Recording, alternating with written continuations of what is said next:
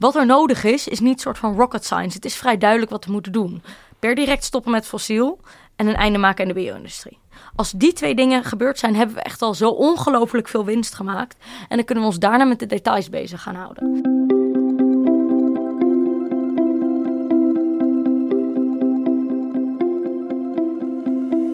Dit is Het Groene Hart, de podcast van Growthinkers, waarin we op zoek gaan naar het groene hart van onze gasten. Voordat we beginnen met het interview, wil ik het met je hebben over een van onze duurzame favorieten. Al onze favorieten, waaronder onze favoriete boeken, vind je op growthinkers.nl/slash favorieten. De favoriet die ik er deze keer uit wil pikken is Fathom Analytics. Dit is software waarmee je de bezoekers van je website in kaart kunt brengen. En het is niet voor niets dat Google Analytics, de meest gebruikte variant van dit product, gratis is. Zij hebben een manier gevonden om met deze website data geld te verdienen en daarmee ook privacy te schenden. Verschillende EU-landen hebben daarom al besloten dat het illegaal is om Google Analytics te gebruiken. Dus, heb jij een eigen website waarvan je de bezoekers wil inzien? Stem dan met je portemonnee en geef je geld aan een bedrijf dat het anders, maar vooral goed doet.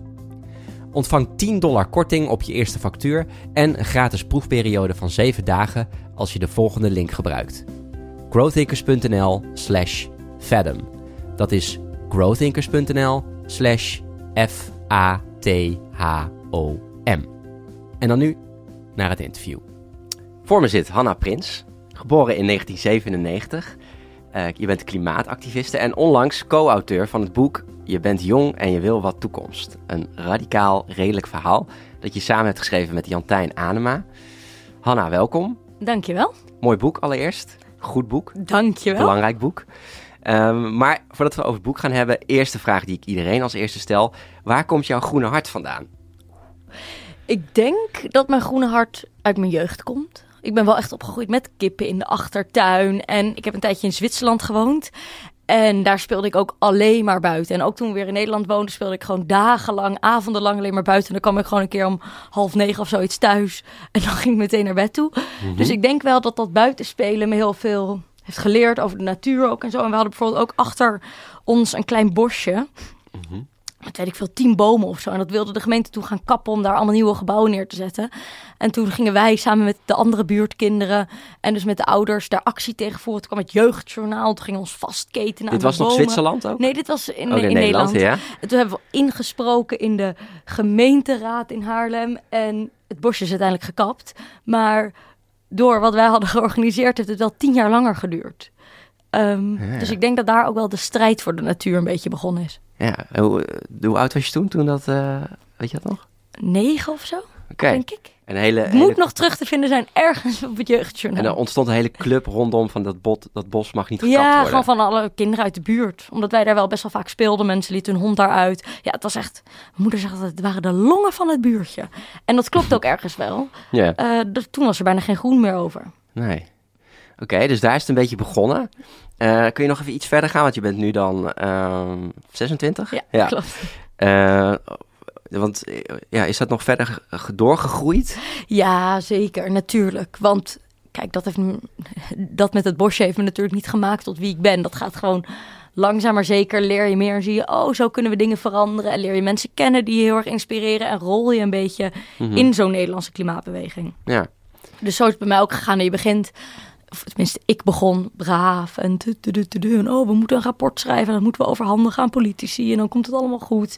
En dan zie je langzamerhand van, hé, hey, dat werkt niet per se zo. Het werkt beter om iets feller de strijd in te gaan en te zeggen, dit is wat nodig is, doe ook wat nodig is. Mm -hmm. um, dan heb je toch wel vaak groter effect, heb ik gemerkt. Ja.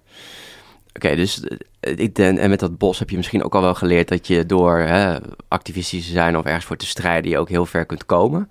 Ja. Um, ik hoor ook wel je moeder langskomen. Heeft, speelt die ook een belangrijke rol? In ja, het, uh... zeker. Ik denk dat het echt een cadeau is als je het meegekregen vanaf jongs af aan om goed voor de natuur te zorgen. Weet je wel? Om gewoon dat soort waarden Ja. mee te krijgen. En dat is helaas al helemaal als je in een grote stad opgroeit, bijna onmogelijk, want er is bijna geen groen meer. Dus hoe kan je veel leren over groen en hoe fijn Ja. het is om buiten te kunnen spelen en dat soort dingen. Ja. Mhm, ja. En je moeder heeft je dat eh, van jongs af aan eh, ja, eigenlijk geleerd. ja. Het belang van de Ja. natuur. springt er een moment uit uh, waarvan je denkt, oh, dat vind ik wel echt tekenend voor mijn moeder en hoe ze mij Mm. dat heeft eh, bijgebracht. Nou, ik denk wij moesten gewoon altijd naar buiten, slecht weer of goed weer. Dus we gingen altijd dan zo met laarzen aan, maar dan wel echt door de plassen stampen. En dan ook dat je je laarzen zo kon, kon omdraaien, dat er dan allemaal water uitkwam. Mhm. Maar weer van gewoon ga naar buiten en ben ook buiten. Ja, Ehm, dat denk ik wel. ja. En dus dan heb je hier, hier echt die liefde voor de natuur. En hoe is dan voor jou zelf, zeg maar, eh, tot stand gekomen dat je op een gegeven moment dacht, ja, oké, de kant die we nu opgaan is gewoon echt, ja, het is niet oké. Het gaat helemaal de verkeerde kant op. Is, is daar een bepaald moment... Nee, ja, nee, ik heb niet een soort van epiphany gehad van opeens van wow, zo erg is het. Ik denk dat dat langzamerhand komt. Ja? Eerst lees je wat nieuwsberichten, dan lees je een stukje van een IPCC-rapport, dan lees je dus een keer een echt boek over. Ehm, de- dan zie je iets op tv erover en langzaam maar zeker komen al die puzzelstukjes samen. En kijk, bepaalde feiten zijn natuurlijk wel zo dat je daar zo erg van schrikt dat je denkt van wow. En dan ga je alleen maar er meer in verdiepen en dan denk je alleen nog maar meer wow, het valt echt niet mee. Nee. En uiteindelijk, als je eenmaal weet wat er aan de hand is, kan je het ook zeg maar niet meer ontzien. Nee. En je was ook al wel een lezer. Je, je las al veel. Ja. Ja. Nou moet ik zeggen dat ik tegenwoordig niet per se meer heel veel lees. En ook veel op Instagram school. Maar ja, Ja. Eh, ja. ik lees nog steeds wel veel hoor. Oké. Alright, dus eh, dat is echt een beetje zo, zo gegaan.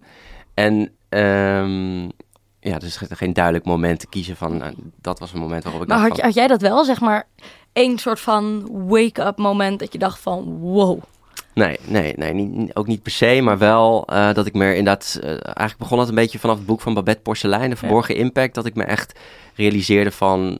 Ja, dat ik me ook meer ging interesseren voor duurzaamheid. Dat ik was zelf daarvoor heel erg met minimalisme bezig. Dus eh, bewuster, minder, eh, opruimen. Dat was voor mezelf heel fijn. Maar ik las toen, toen ik dat boek van de Babette las, toen kwam ik ook meer in die, ja, in die duurzaamheidsmaterie. En dat werd voor mij toen op een gegeven moment ook wel echt een belangrijk ding om ook voor, ja, voor te gaan strijden. Ehm, dus dat heeft, het wel, dat heeft er wel bij geholpen, absoluut. Eh, hoe, hoe, hoe kijkt je moeder nu aan tegen wa- wat je nu doet? Hoe, wat vindt ze daar nu van? Nou, die is natuurlijk heel erg trots. Ja? Eh, ja, die gaat Oh, ook mooi. mee. Die was, ik was niet op de A10 een paar weken geleden toen bij de ING-demonstratie. Maar mijn moeder was er wel. En zo zie je dat, zeg maar... Als jij één iemand kan aanspreken van... hey, kom mee, dan kan die weer ook mensen aanspreken. Dus dan had ik mijn moeder uitgenodigd. En dan had mijn moeder tegen de tandarts gezegd van... hey, kom je ook een keer.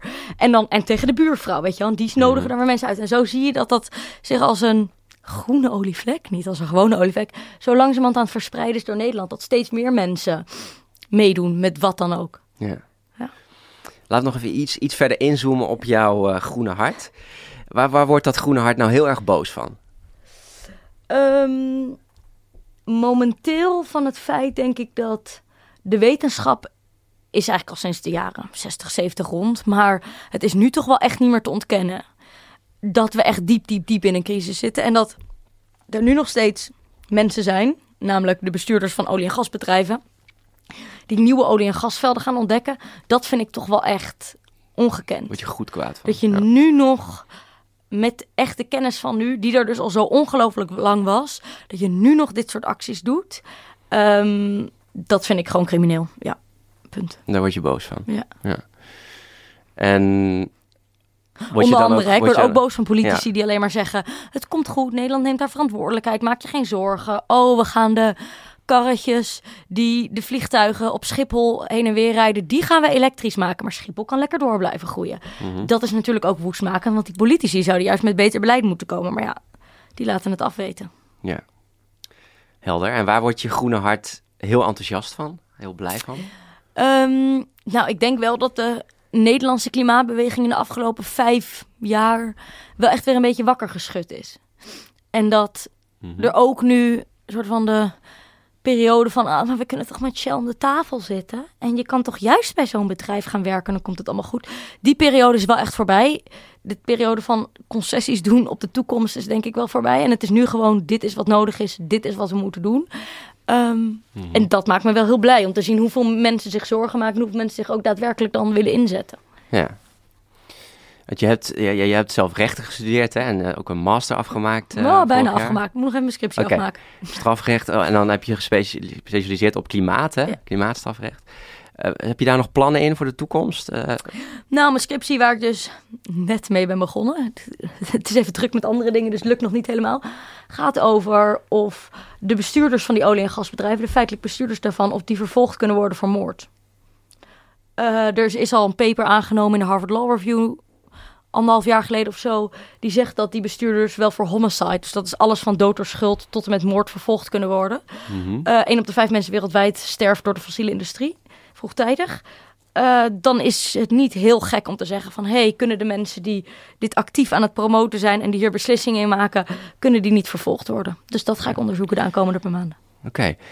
Zie je dan eh, jouw toekomst ook eh, meer zoals bijvoorbeeld wat eh, Benedicte Fiek doet, zeg maar, Nou, als ik vind advocaat? haar geweldig. Echt Ja. fantastisch, fantastisch, fantastisch. Mhm. Ik denk niet dat ik de allerbeste jurist op de wereld zou zijn. Dus ik denk dat voor mij het beter is om dat ik een betere, een andere rol kan hebben. Maar ik support dat natuurlijk van harte. En ik zeg nooit, nooit dat ik niet eh, mee zal werken aan zoiets. Maar ik heb ook wel genoeg zessen gehaald bij mijn studie dat ik denk van, nou, dat harde juridische kunnen we maar beter aan andere mensen overlaten. Dus wat- wat zou jouw rol dan zijn? Hoe zie je je rol voor de toekomst? Mm, ik denk voor nu zoveel mogelijk mensen overtuigen en enthousiasmeren om zich in te zetten. En ook te laten zien van wat nog wel kan, wat moet, maar ook gewoon wat de keiharde feiten zijn. Ehm, en wie weet later een iets meer beleidsmakende rol. Dus iets meer, ja. Ja, Maar nu nog even lekker tegen de macht aanschoppen. Oké. Alright. ehm, voordat we naar je boek gaan, ben ik nog wel even benieuwd naar... eh, heb, je, heb je bijvoorbeeld nu een, een vriendje? Ja, zeker. Eh, is die ook, is die ook bezig met, met dit eh, thema? Ehm, ja, ja, ja, ja. Maar die doet iets heel anders hoor. Dus die is ook heel veel bezig met andere dingen. Oké. Maar die is wel bezig met het maatschappelijke. Ja, journalist, dus wel bezig met het maatschappelijke. Zeg. Oké. Nou, ik weet dat, dat de Groene Hartluisteraar heel benieuwd is of dat ook wel eens botst. Of jullie wel eens met duurzaamheid botsen. Nee, echt helemaal. Nee. Nee? Nee. Nee. Maar ook omdat ik denk van, als er iets ineffectief is, dan is het op mensen in je omgeving zeggen van, waarom heb je nieuw groene gekocht? Of dat soort dingen. Als er, Mhm. zeg maar, dat is natuurlijk niet hoe we grote verandering teweeg gaan brengen, om door elkaar de maat te nemen. Dus Nee, nee. ehm, nee, met niemand in mijn omgeving, nee. Ik bedoel, je kan altijd zeggen van, hé, hey, dit alternatief is misschien fijner of handiger, maar daar gaat het niet om. Het gaat om die systeemverandering. Ja. En je hebt ook vriendinnen, denk ik. Die zijn, die, Ja. hoe- hoe, eh, zijn die ook met dit thema bezig? Ja, die zijn ook. Ja, steeds. Eerst dachten die ook van, "Maar wat ga je doen? Maar prima, we supporten je. Ehm, maar inmiddels zijn die ook vaak op de A12 geweest. Waren ze mee naar Schiphol bijvoorbeeld. Eh, dus die zijn er ook wel steeds actiever mee bezig. Oké, dus je hebt wel echt een, eh, een community om je heen van ja, mensen die er ook heel erg actief mee bezig zijn. Ja, maar natuurlijk niet in hun dagelijkse leven zoals ik ben. En dat is ook helemaal prima, want die hebben gewoon banen bij bedrijven en zo. Weet je wel, die zijn ook gewoon de hele dag door bezig met hun eigen dingen. Maar Ehm, het is denk ik wel mooi om te zien dat nou ja, veel mensen er wel mee bezig zijn. En dat blijkt ook uit onderzoek. Meer dan 75% van Nederland maakt zich zorgen over de klimaatcrisis. Meer dan 25 procent. Meer dan 75. 75. Ja, Oké. 25 zou wel erg weinig zijn. Ik zou het 75. niet denken aan de hand van de afgelopen verkiezingsuitslag, maar een groot deel van Nederland maakt zich dus zorgen. Ja, nee, 25 procent deed mij inderdaad ook even denken aan een stukje eh, uit je boek. Ja, Eh, laten, we, laten we het bruggetje maken naar, eh, naar je boek, wat, wat een heel belangrijk, goed boek is. Ik deed, deed me ook een beetje denken aan het boek van Jelme Mommers. Hoe gaan we dit uitleggen? Het begin is, ja, kan een beetje deprimerend gaan werken. maar ga vooral niet hè, in de feutushouding in een hoekje liggen. lezen. Ja. Daarna wordt het, eh, kom je ook met op, komen jullie ook met oplossingen. En eh, vooral de stukken ook over een ehm, eh, groen en gelukkig leven, als ik het, als ik het goed heb. Ehm, ja, dat kwam omdat de uitgeverij zei... ja, jullie kunnen een gids schrijven voor een groen en gelukkig leven. Bijvoorbeeld met wat leuke recepten erin. En toen dachten wij van... dat moeten we er wel in verwerken. Ook al wordt het meer een soort van politiek boek... en een soort van samenvatting van alle klimaatwetenschap. ja. Eh, maar we hebben toch een gids voor een groen en gelukkig leven... er een beetje in verwerkt. Ja, die vond ik ook interessant voor, voor de podcast, voor het Groene Hart. Ik zal even één stukje zelf eh, voorlezen en daarna eh, lees je zo een mooi stukje voor. Naarmate meer mensen duurzame keuzes maken, komt een maatschappelijk kantelpunt in zicht. Volgens een studie die in 2018 verscheen in Science, veranderen sociale conventies wanneer 25% van de bevolking zijn gedrag aanpast. The power of small groups comes not from their authority or wealth, concluderen deze onderzoekers, but from their commitment to the cause. Dat is een hoopvolle conclusie met een belangrijke boodschap. Hoor bij de 25%. Hoor bij de 25% die geen vlees eet. Hoor bij de 25% die alleen vliegt in geval van nood. Hoor bij de 25% die stopt met fast fashion. hoe eerder het team compleet is, hoe eerder een uitweg uit de planetaire crisis in zicht komt. Dus die 25%. En die is ook nodig hè, om, ehm, ja, om, om een kanteling eigenlijk in gang te zetten. Ja. En ik wil even vast hier een kanttekening bij. Dit is wel één stukje uit het boek. Het grotere Ja. geheel is natuurlijk, we hebben systeemverandering nodig. Daar gaat het uiteindelijk om. Dit is dan één hoofdstukje, wat kan je zelf doen? Exact. En ook daarbinnen is eigenlijk ons grootste advies. Werk mee aan die grote verandering. Ja. Maar natuurlijk kan je ook zelf dingen doen in je eigen leven. Precies. Dus als ik tegen jou zeg, Hanna, een beter milieu begint niet bij jezelf. Wat zeg jij dan? Dan zeg ik, daar ben ik het helemaal mee eens. Kijk, wij kunnen doen wat we kunnen doen, maar de betere keuze is vaak de duurdere keuze. Dus als je die kans hebt om dat te doen, doe het vooral. Eh, dat blijkt ook weer uit deze 25%. Als het je lukt om geen vlees te eten, fantastisch. Zelf 25% van Nederland zou plantaardig eten. Zou de menukaart er anders uitzien? Zou dat dierenleed van miljoenen, zo niet miljarden dieren schelen? Dus doe dat vooral als het kan. Maar bijvoorbeeld met vliegen is eh, vliegen vaak een stuk goedkoper dan met de trein gaan. Omdat het ene gesubsidieerd wordt en het andere niet. En er wordt dus vliegen gesubsidieerd. En dat is dus weer precies het systeem waar het om gaat. En dat moeten we aanpakken. Ja. Want het is uiteindelijk aan de politiek en aan het bedrijfsleven. Die hebben de grote mechanismes. Die kunnen de grote dingen veranderen. Dus daar moeten we met z'n allen voor strijden. En niet elkaar de hele tijd de maat nemen. Ja, komen we zo op maar dus die, nogmaals, eh, hoor wel bij die 25%. Alright, dus, hoor, dus dan komen we zo op die systeemoplossingen, gaan we zo over hebben. Ehm, dan had ik nog een stukje wat ik heb gehighlight, wat ik wel interessant vond. Voor een afkeer tegen de havermelk-elite. En leg even uit wat de havermelk-elite is, voor de luisteraar. Eh, k- mocht je Instagram hebben, Google vooral op het account Havermelk Elite. Ik denk dat de Havermelk Elite Ja. hoog opgeleid, randstedelijk, cultureel wel geëngageerd. Hoofdstedelijk. Ja, hoofdstedelijk inderdaad. Ja. Ehm, ze drinken havermelk. Ja. Ja. Rijk ook. Ja, Wit, eh, rijk.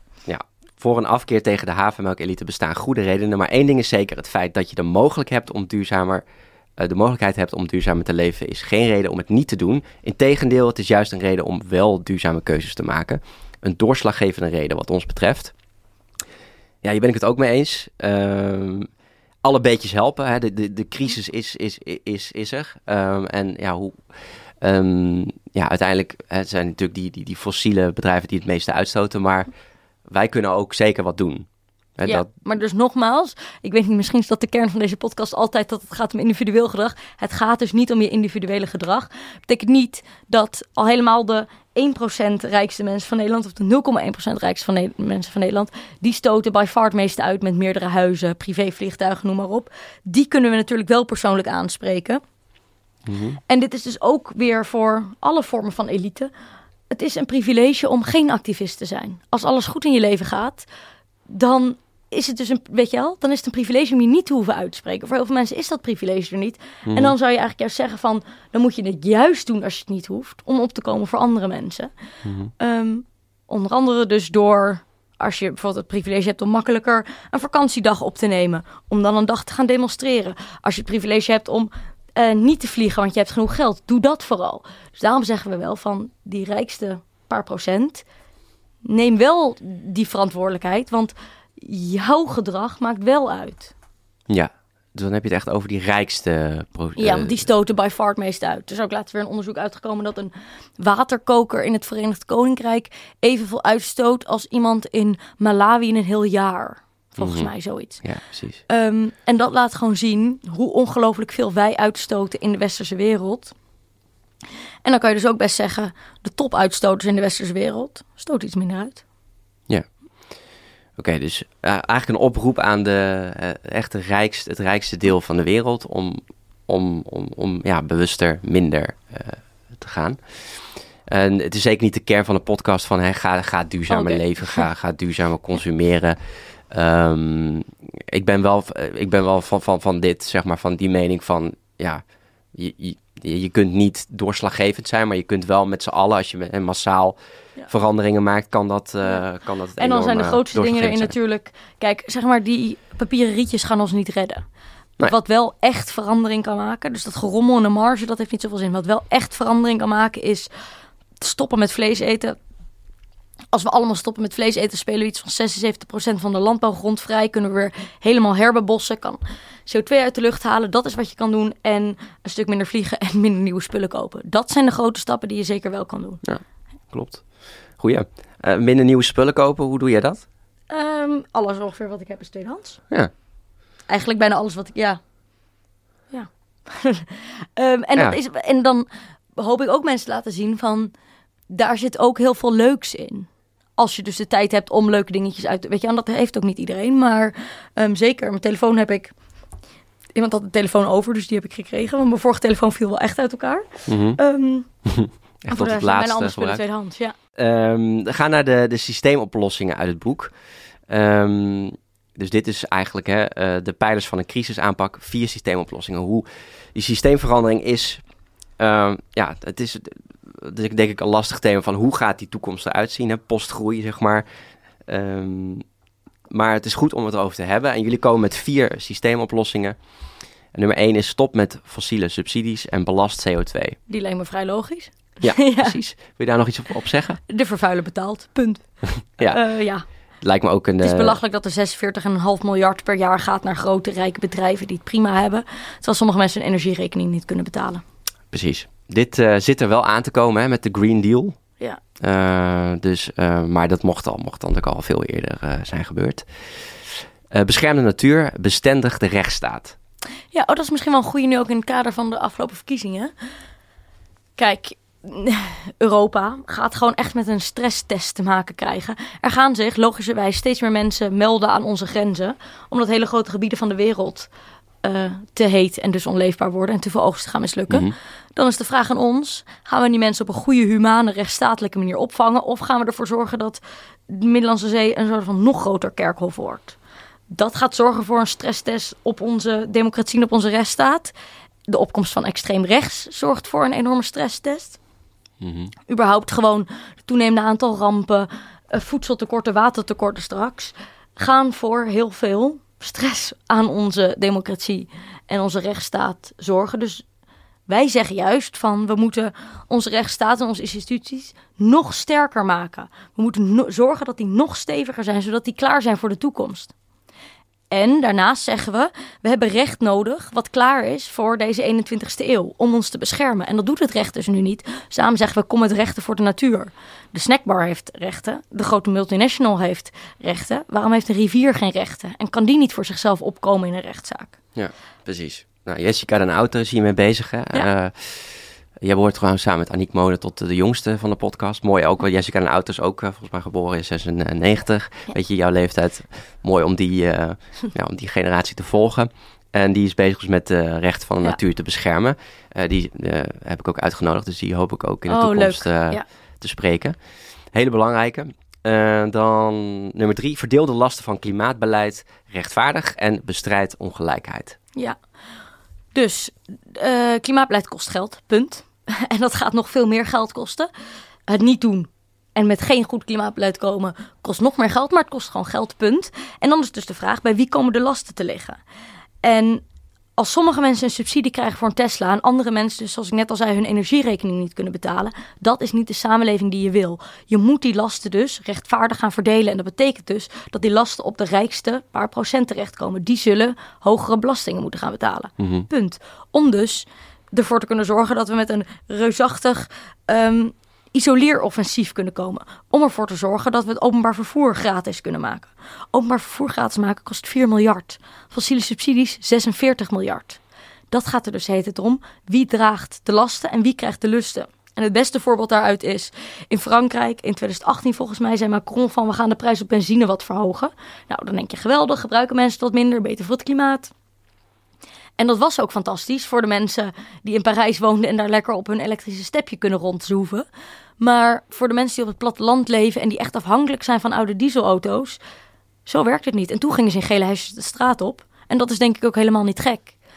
Dus moet je die lasten eerlijk verdelen en moeten we dus ongelijkheid en binnen Nederland, het aantal miljardairs groeit, maar het aantal mensen in armoede ook, moeten we tegengaan. Maar ook wereldwijd. De westerse wereld is rijk, rijk, rijk, rijk. En een groot gedeelte van de rest van de wereld niet. Dus we moeten ook die ongelijkheid tussen landen proberen te verkleinen. komen bij vier. Hanteer een brede graadmeter voor welvaart. Ja, nou, dat lijkt me ook vrij logisch. Uh, welvaart is natuurlijk niet alleen geld. Welzijn is een veel bredere graadmeter. Mhm. Als je kijkt naar welzijn, dan ga je misschien niet Schiphol laten groeien. Omdat het welzijn van de mensen die onder de rook van Schiphol woont, uh, dan een stuk lager wordt. En dat Ja. zie je ook bijvoorbeeld rondom Tata Steel. Misschien is het voor de welvaart in, op korte termijn goed om Tata Steel te laten groeien of open te laten. Maar op de lange termijn natuurlijk niet. Oud-medewerkers van de staalindustrie hebben 500% meer kans op longkanker. Omwonenden van Tata Steel 51% meer kanker, eh, kans op bepaalde vormen van kanker. Dat is gewoon echt ongelooflijk wat we hebben gedaan bij dat gebied daar.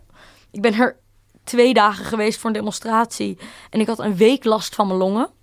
Hm. Ehm, wat we die mensen daar hebben aangedaan is gewoon ongekend. Ja. Eh, en dat is geen welvaart. Nee. En het is natuurlijk ook breder, zeg maar. Welzijn is je snel van A naar B kunnen verplaatsen. Niet per se een eigen vervuilende auto kunnen hebben. Welzijn is licht hebben in je huis. Niet per se olie en gas van Shell. Ja, precies. En ook, en ook hoe je het gaat meten. Dus Ja. nu, nu is het natuurlijk heel erg koopkracht en, Ja. eh, en ja, BBP. En dat het veel meer, dat, dat de economie ook meer is gebaseerd op welzijn, geluk. Ehm, ja. En dan kom je dus ook tot hele andere eh, keuzes. Want wij zeggen in het boek van kom met de crisisaanpak. En als je die meer doet volgens de graadmeter van welzijn in plaats van welvaart, dan maak je natuurlijk hele andere keuzes binnen die crisisaanpak. Mhm. Ja. Jij hebt het ook nog, jullie hadden het in het boek ook nog even over Jesse Frederiks. Ja. Eh, ik, ik volg ook die, eh, de Rudy en Freddy show. En die hebben het ook inderdaad gehad over dat IPC, IPCC-rapport eigenlijk. Dat dat, ehm, ja, dat, dat daar eigenlijk gemeten wordt met dat we enorm veel blijven uitstoten. En dat we Ja. ook kool gaan verbranden. Dat soort dingen heel erg eh, maximaal. Ehm, en hij is vrij, ja, nog vrij eh, optimistisch, zeg maar. Ja. Van, het komt allemaal wel Ja. goed. Ik ben toch wel heel erg benieuwd naar van, eh, ja, wat jouw reactie daar, daarop is.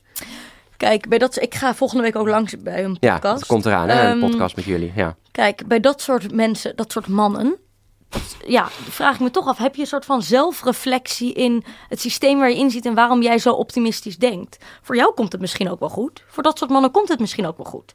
Die zijn rijk, die zijn welvarend, die leven in een lekker cool land. Voor ons komt het ook misschien wel goed. En zij doen ook, vind ik vaak, alsof het een probleem van de toekomst is. Maar het, het probleem is nu. Er sterven nu al miljoenen mensen en straks miljarden mensen. Dus dat optimisme vind ik absoluut misplaatst. Eh, dat heeft de correspondent wel vaker, een bepaalde vorm van optimisme, omdat ik denk dat hun lezers dat fijn vinden. Maar wat echt nodig is, is dat mensen serieus weten wat er aan de hand is, weten wat er gaat komen en ook de schreeuw van paniek van wetenschappers zien. Dus dat gisteren een polwetenschapper te huilen in Buitenhof, omdat hij ziet hoe erg de natuur aan het veranderen is.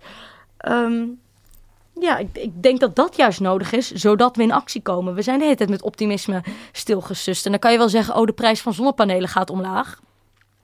Maar dan mis je dat deze crisis een stuk dieper gaat dan wel of niet ergens zonnepanelen neerzetten. Wie maakt die zonnepanelen?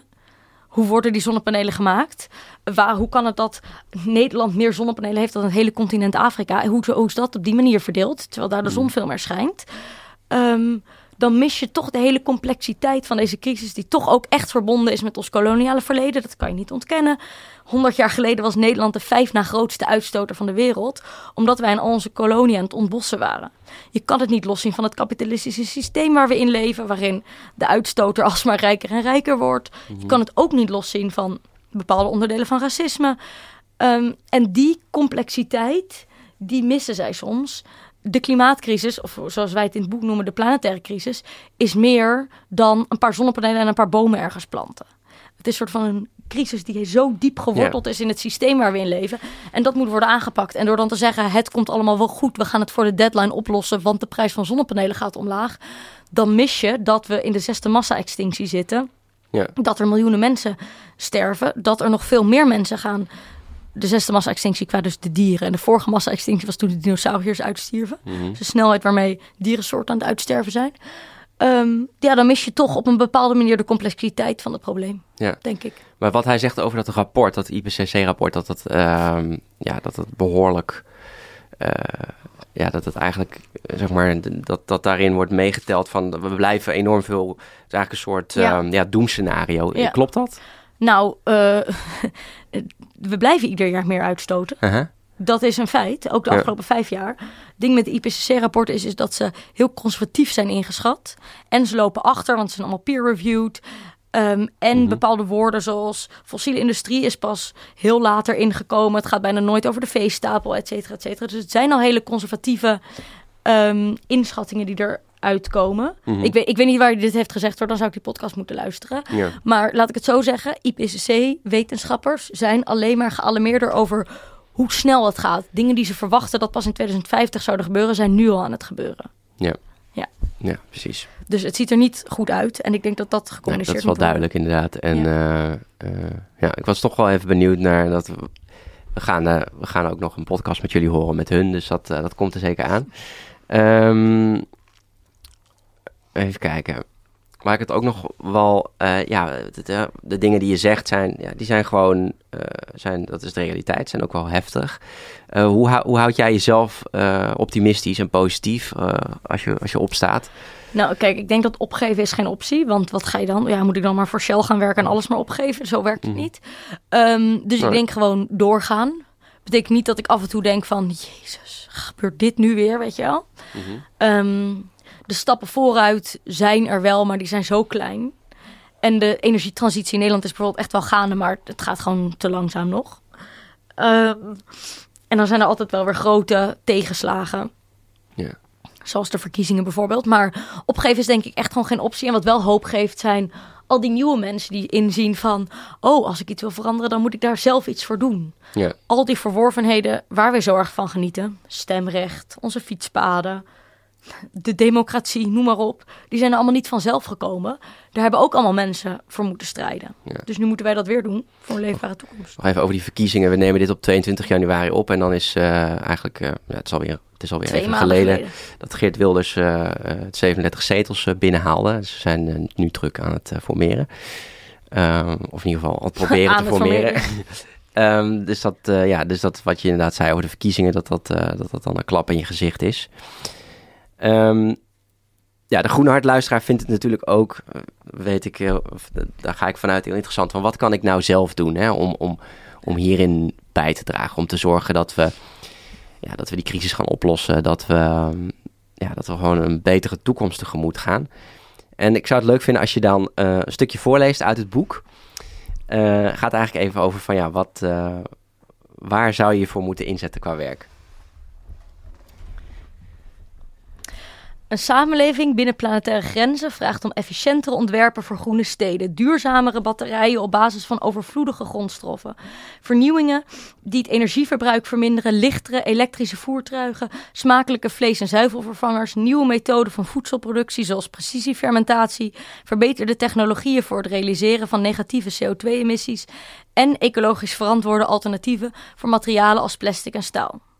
Het is hard nodig dat we ons op deze innovaties gaan richten. En wie weet levert het ook nog eens welvaartsgroei op.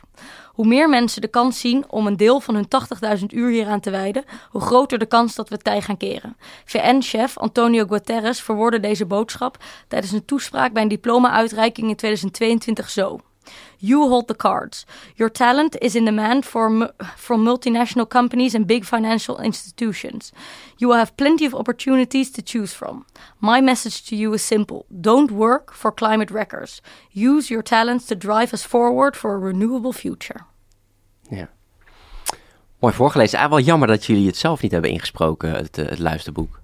Zo hoor. Ehm, ja, er was, we vonden een andere stem heel... Niemand heeft ons dat eigenlijk ook aangeboden. Het was gewoon, er was gewoon een stem die het ging inspreken. Toen dachten wij, top, doe maar. Het scheelt werk. Ja, Ja, het was, eh, ik heb zelf ook mijn boek, mijn boek ingesproken. En eh, het, is, eh, het, kan, het kan het echt, vind ik persoonlijk, echt Ja. nog extra swoon geven als Ja. de auteur het zelf heeft ingesproken. En ik vond dat je het goed wie deed. weet, voor een volgend boek. Exact. En misschien kan het nog in de toekomst, who knows. Als er straks misschien een soort van nieuwe versie Ja. uitkomt van het boek. Ehm, ja, dus inderdaad. Don't work for the climate wreckers. Ja, precies. Use your talents to drive us towards a renewable future. Eh, dus ga werken binnen eh, eigenlijk al die voorbeelden die je, die je noemde. Ga, ga binnen die sectoren werken. En Ja. Ja. je hebt dus een gemiddelde carrière bestaat uit 80.000 uur. ja, Dan kan je die in gaan vullen door op de Zuidas geld te verplaatsen van rijke mensen naar nog meer rijke mensen. of met geld geld te maken. Of met geld geld te maken. Ehm, er is ook lang gezegd van ja, ga maar juist werken bij een vervuilend bedrijf en het dan van binnenuit proberen te veranderen. Dat lukt gewoon niet. Punt. Dat hebben genoeg goede, slimme, leuke mensen gedaan. Dat werkt gewoon niet. Dus het beste wat je kan doen is er niet voor werken. Nu En- verwijs je ook een beetje naar Mark van Baal met eh, de Shell-aandelen. en- Oh, al vind ik dat, dat is een goed initiatief hoor. Maar dat is iets Mhm. anders dan als je nu voor Shell gaat werken. Dan gaat het je Ja, ja. niet lukken. Ze zijn hun duurzame tak hebben ze afgestoten. Dat is iets anders dan aandelen nemen ergens in. Mhm. Ehm, ja. Dus doe het gewoon niet. Werk je bij een vervuilend bedrijf en vind je een mogelijkheid om ergens anders te gaan werken, doe dat vooral. Eh, het is te zonde om die 80.000 uur te besteden aan de planeet te vernietigen. Ja. Ga gewoon iets goeds doen. En wat ook nog eens zo is, is dat bij kleinere start-ups, bij onderzoek, bij, bij gewoon een soort van vernieuwende dingen, bij dingen die onze democratie bestent, noem maar op, allemaal van dat soort dingen. Denk ik ook dat je veel meer gaat leren, veel meer initiatief mag nemen, veel meer op eigen kracht gaat mogen werken. Mhm. Ehm, en dat het ook gewoon, ja, ook op die manier veel betekenisvollere carrière is. Ja. Schets eens eh, zo'n, eh, schets eens nou even een, een, een ideale en hoopvolle toekomst. Hoe ziet die voor jou eruit? Droom je daar wel eens over? Ja, ik denk dat een ideale toekomst zou zijn als we nu dus... Kijk, wat er nodig is, is niet een soort van rocket science. Het is vrij duidelijk wat we moeten doen. Per direct stoppen met fossiel en een einde maken aan de bio-industrie. Als die twee dingen gebeurd zijn, hebben we echt al zo ongelooflijk veel winst gemaakt. En dan kunnen we ons daarna met de details bezig gaan houden. Dus dat is wat we moeten doen en hoe de wereld er dan uit kan zien. Ehm, ik denk een wereld ten eerste die veel stiller is. Als er bijvoorbeeld door steden bijna geen auto's meer rijden. Mhm. Als we fantastisch gratis openbaar vervoer hebben. Dat je echt alleen de natuur hoort. Dus alleen de vogels Ja. soort fluiten. En, eh, Dat ja. moet gewoon kunnen, gewoon stille steden. Eh, overal op een paar minuten lopen. Parken, bossen, bomen, groene gebouwen. Ja, zonnepanelen op de daken. Maar we zullen ook gewoon minder energie moeten gaan gebruiken. En dat kan als we dingen efficiënter indelen. Dus in steden eh, zorgen dat je alles eigenlijk... dat je van die 15-minute cities... dat je overal binnen 15 minuten wandelen... bij al je benodigdheden... dus bij een bibliotheek, bij een supermarkt... bij een arts, et cetera, kan zijn. Mhm. Daarmee kunnen we heel veel winst maken. Toch ook een wereld op een plantaardig dieet. Eh, dat zal niet alleen milieuwinst, maar ook enorme gezondheidswinst eh, met zich meebrengen. Dus dat is fijn, denk ik. Ja. Ehm, wat ook sowieso dus gaat komen, is dat miljoenen mensen hier naartoe gaan komen. Dus ik hoop ook een humaan opvangbeleid. Mhm. Ehm, waarin dus de miljoenen, zo niet miljarden mensen die richting koelere gebieden gaan komen, die kunnen worden opgevangen. En ik hoop ook ehm, soort van op een wereld die dus niet draait om geld, macht, te, te extreem rechts, bla bla bla, maar om niet extreem rechts, bla bla bla, maar gewoon die draait om echte menselijke waarden die we natuurlijk allemaal in ons hebben. Dus samenwerking, tijd voor elkaar, rust, gezondheid. Dat dat weer een beetje de kernwaarden worden. ja. Het moet mogelijk zijn, zou je zeggen. Mooi. Ja, het is, het is niet te veel gevraagd, toch? Mhm. Word je wel eens, word je wel eens eh, ook emotioneel eh, eh, van dit onderwerp zelf? Ehm, nou, omdat ik er nu zoveel op deze manier mee bezig ben, niet echt. Maar soms denk ik wel echt van... "Uh, de wereld die eraan komt gaat er wel echt anders uitzien. Mhm. Ehm, en dat is vooral een eng idee, weet je wel? Ja. Het, ik ga, ja, de wereld gaat er compleet anders uitzien. En als de vraag, gaan we nu keihard ingrijpen en het nog een beetje op een soort van herkenbare manier houden? Of gaan we niet ingrijpen en verandert de hele wereld sowieso? Ja. Dus we gaan, we gaan geen makkelijke toekomst tegemoet. Nee. Ehm, Maar heb je, heb je dit Ja. bijvoorbeeld wel eens, eh, dit, eh, dit wel eens bij je moeder uitgestort? eh, dat, je, dat je begon te huilen? Of dat, dat, dat, Nee, het je zo, nee, dat het je zo raakt dat, dat mensen dat ook... nee. nee. Af en toe wel hoor, maar... ehm, Nee. nee, niet Ik kan me voorstellen dat je dat af en toe, af en toe wel hebt. Nee, ja, maar kijk, ik doe, als je er zoveel mee bezig bent, dan zit je er zo erg in. Dan vergeet je ook een beetje van, oh ja, dit is echt ons leven of zo. Snap je wat ik bedoel? Ja, ja. Als je zo erg dieper in zit, en dan is het goed om af en toe even uit te zoomen en te denken van, wow, oké, de toekomst die eraan zit te komen gaat er echt heel anders uitzien. Mhm. Ja. Ja. Kijk, er, er gaan eh, vast een paar fantastische oplossingen komen, maar je kan niet alles oplossen met techniek en met technologie en met hoe slim we zijn. Anders we het misschien wel opgelost. Of je hebt er grondstoffen voor nodig die in hele kwetsbare natuurgebieden, die uit hele kwetsbare natuurgebieden komen. Dus Mhm. eh, ik weet niet hoe we de biodiversiteitscrisis bijvoorbeeld gaan oplossen met een beetje technologie. Dus echt niet alles Nee. gaan we met technologie kunnen Nee. oplossen. Vast Natuur een klein stukje eh, wel, maar, maar ehm, ik ben daar niet super hoopvol op. Nee. Waar ik wel hoopvol over ben, Ja, vertel. Ehm, is dus dat we ook in ons boek schrijven dat als 3,5% van de bevolking meedoet aan grootschalige acties, dat dan een revolutie nog nooit is mislukt. Nee, precies. Dus wat wel helpt, is de straat op gaan demonstreren, eh, boycotten, beter stemmen. Allemaal van dat soort dingen werken echt. Ja, Nogmaals, bijna alle verworvenheden waar we nu gebruik van maken, komt omdat mensen de straat op zijn gegaan. Ja, dit is een beetje die gids voor een, eh, voor een groen en gelukkig leven. Hè? Zonder recepten dan wel. Eh, ga de straat op, wees ongehoorzaam, stem voor wat toekomst, maak carrière en doe iets duurzaams het liefst. Ehm, en ik denk dat, dat het misschien nog wel belangrijk is om te zeggen van zoek hier ook wat bij jou past. Hè? Ja. Want eh, er zijn ook mensen die, die willen de straat niet op, dat past Nee. niet bij hun. Maar doe dan, niet- maak dan carrière binnen duurzaamheid of binnen, binnen Nou, klimaatverandering tegengaan. Die 3,5% moet wel de straat, zeg maar. We hebben wel heel veel mensen nodig die de straat op gaan, maar je hoeft jezelf niet vast te lijmen aan de snelweg. Er moeten persberichten worden geschreven, er moet eten worden gekookt, er kan op kinderen worden gepast, er moeten flyers worden gemaakt. Ja. Ehm, al dat soort dingen moeten ook. En ja, je moet zeker doen wat bij je past. Je moet niet iets doen wat niet goed voelt. En nu heb je het echt over Extinction Rebellion, hè? Dus dat je nou, dan... of gewoon in, in het algemeen bij Ja. Greenpeace of bij Milieudefensie, ja, maar op. Ja, Ehm, maar ja, inderdaad, doe wat bij je past. En sommige dingen kunnen heel makkelijk zijn van wissel van bank. Ga weg bij de ING, bij de AMRO, AMRO stap over naar ASM Bank en Triodos. Kost Mhm. je letterlijk vijf minuten. Mhm. En daarmee komt je geld en of je schulden. Nee, die komen niet meer. ehm, eh, die kunnen niet meer meewerken aan de klimaatcrisis verergeren. Dat kan je doen. Je kan bepaalde producten, bepaalde bedrijven boycotten. De, de beter stemmen is altijd slim. Kijk naar de stemwijzer, kijk wat ze zeggen over klimaat. ja. Met andere woorden, er zijn tal van opties. Ja, Maar eh, ja, die- vijf zijn voor jullie eigenlijk een beetje die er eh, uitspringen. Dus ik zal ze nog even één keer herhalen voordat we naar de laatste vraag gaan. Eh, ga de straat op, wees ongehoorzaam, stem voor wat toekomst, maak carrière, doe iets duurzaams. En dat is denk ik ook gewoon jullie boek gaan lezen. Dat laatste, toch? inderdaad. Alright, Hanna, we gaan stoppen. Ehm, maar ik wil jou eerst nog de laatste vraag stellen die ik iedereen stel. Hanna, moet er nog iets van jouw groene hart, iets wat je tegen de luisteraar zou willen zeggen? Niets doen is geen optie meer. Dus tijd om in actie te komen. Eh, er wordt gezegd dat dit nou, dit is het cruciale, crucial decade. We hebben nog tot 2030 om onder die anderhalve graad te blijven. En anders zitten we echt diep, diep, diep in de problemen. Dus het moet nu gebeuren en het moet ook hier gebeuren. In onze rijke westerse wereld. Eh, dus aan de slag, zou ik zeggen. Dankjewel, Hanna. Alsjeblieft. Alle links naar wat we hebben besproken vind je in de show notes terug. En als je dan toch helemaal tot hier hebt geluisterd en je het belangrijk vindt dat dit wordt doorgegeven, geef onze podcast dan even 5 sterren.